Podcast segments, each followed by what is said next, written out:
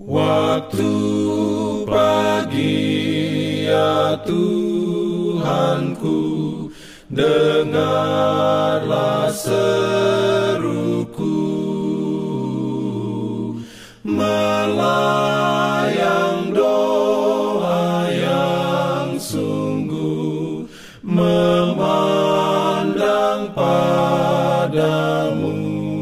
Selamat pagi pendengar Radio Advent Suara Pengharapan.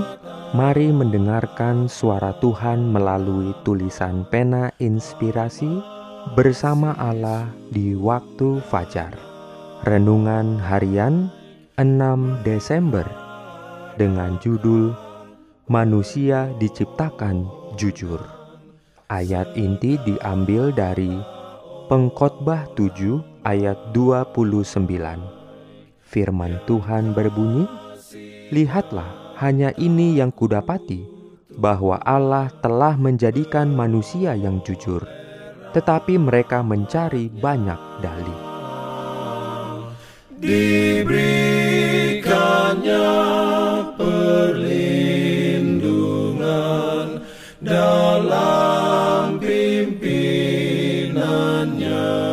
Urayanya sebagai berikut manusia harus menyatakan peta Allah, baik jasmani dan juga dalam tabiat.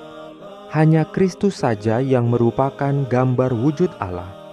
Tetapi manusia diciptakan menurut teladan Allah. Sifatnya selaras dengan kehendak Allah. Pikirannya sanggup memahami perkara-perkara ilahi.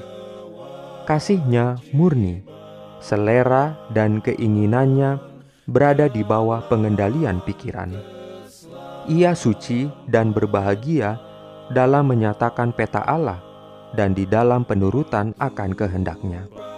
Waktu manusia dijadikan oleh Tuhan, tubuhnya tinggi semampai, sempurna dan simetris.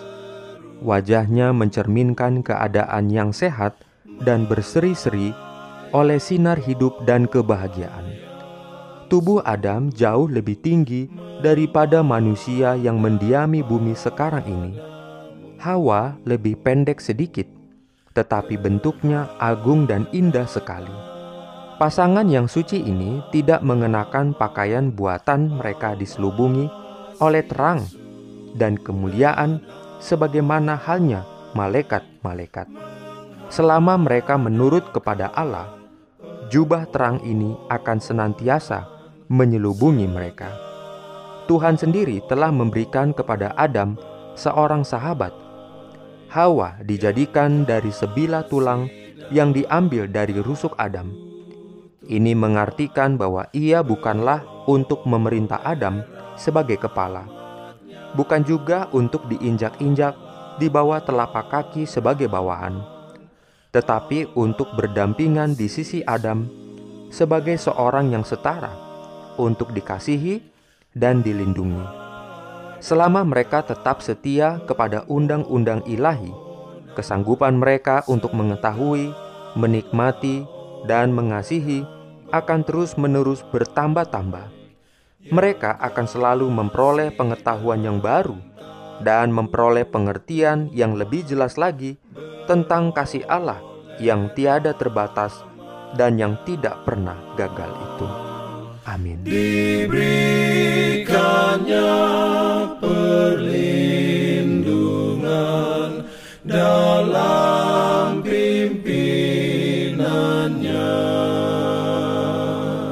Pimpin. Jangan lupa untuk melanjutkan bacaan Alkitab sedunia. Percayalah kepada nabi-nabinya yang untuk hari ini melanjutkan dari buku Dua Raja-Raja pasal 14. Selamat beraktivitas hari ini. Tuhan memberkati kita semua. Jalan kewajiban, jalan keselamatan.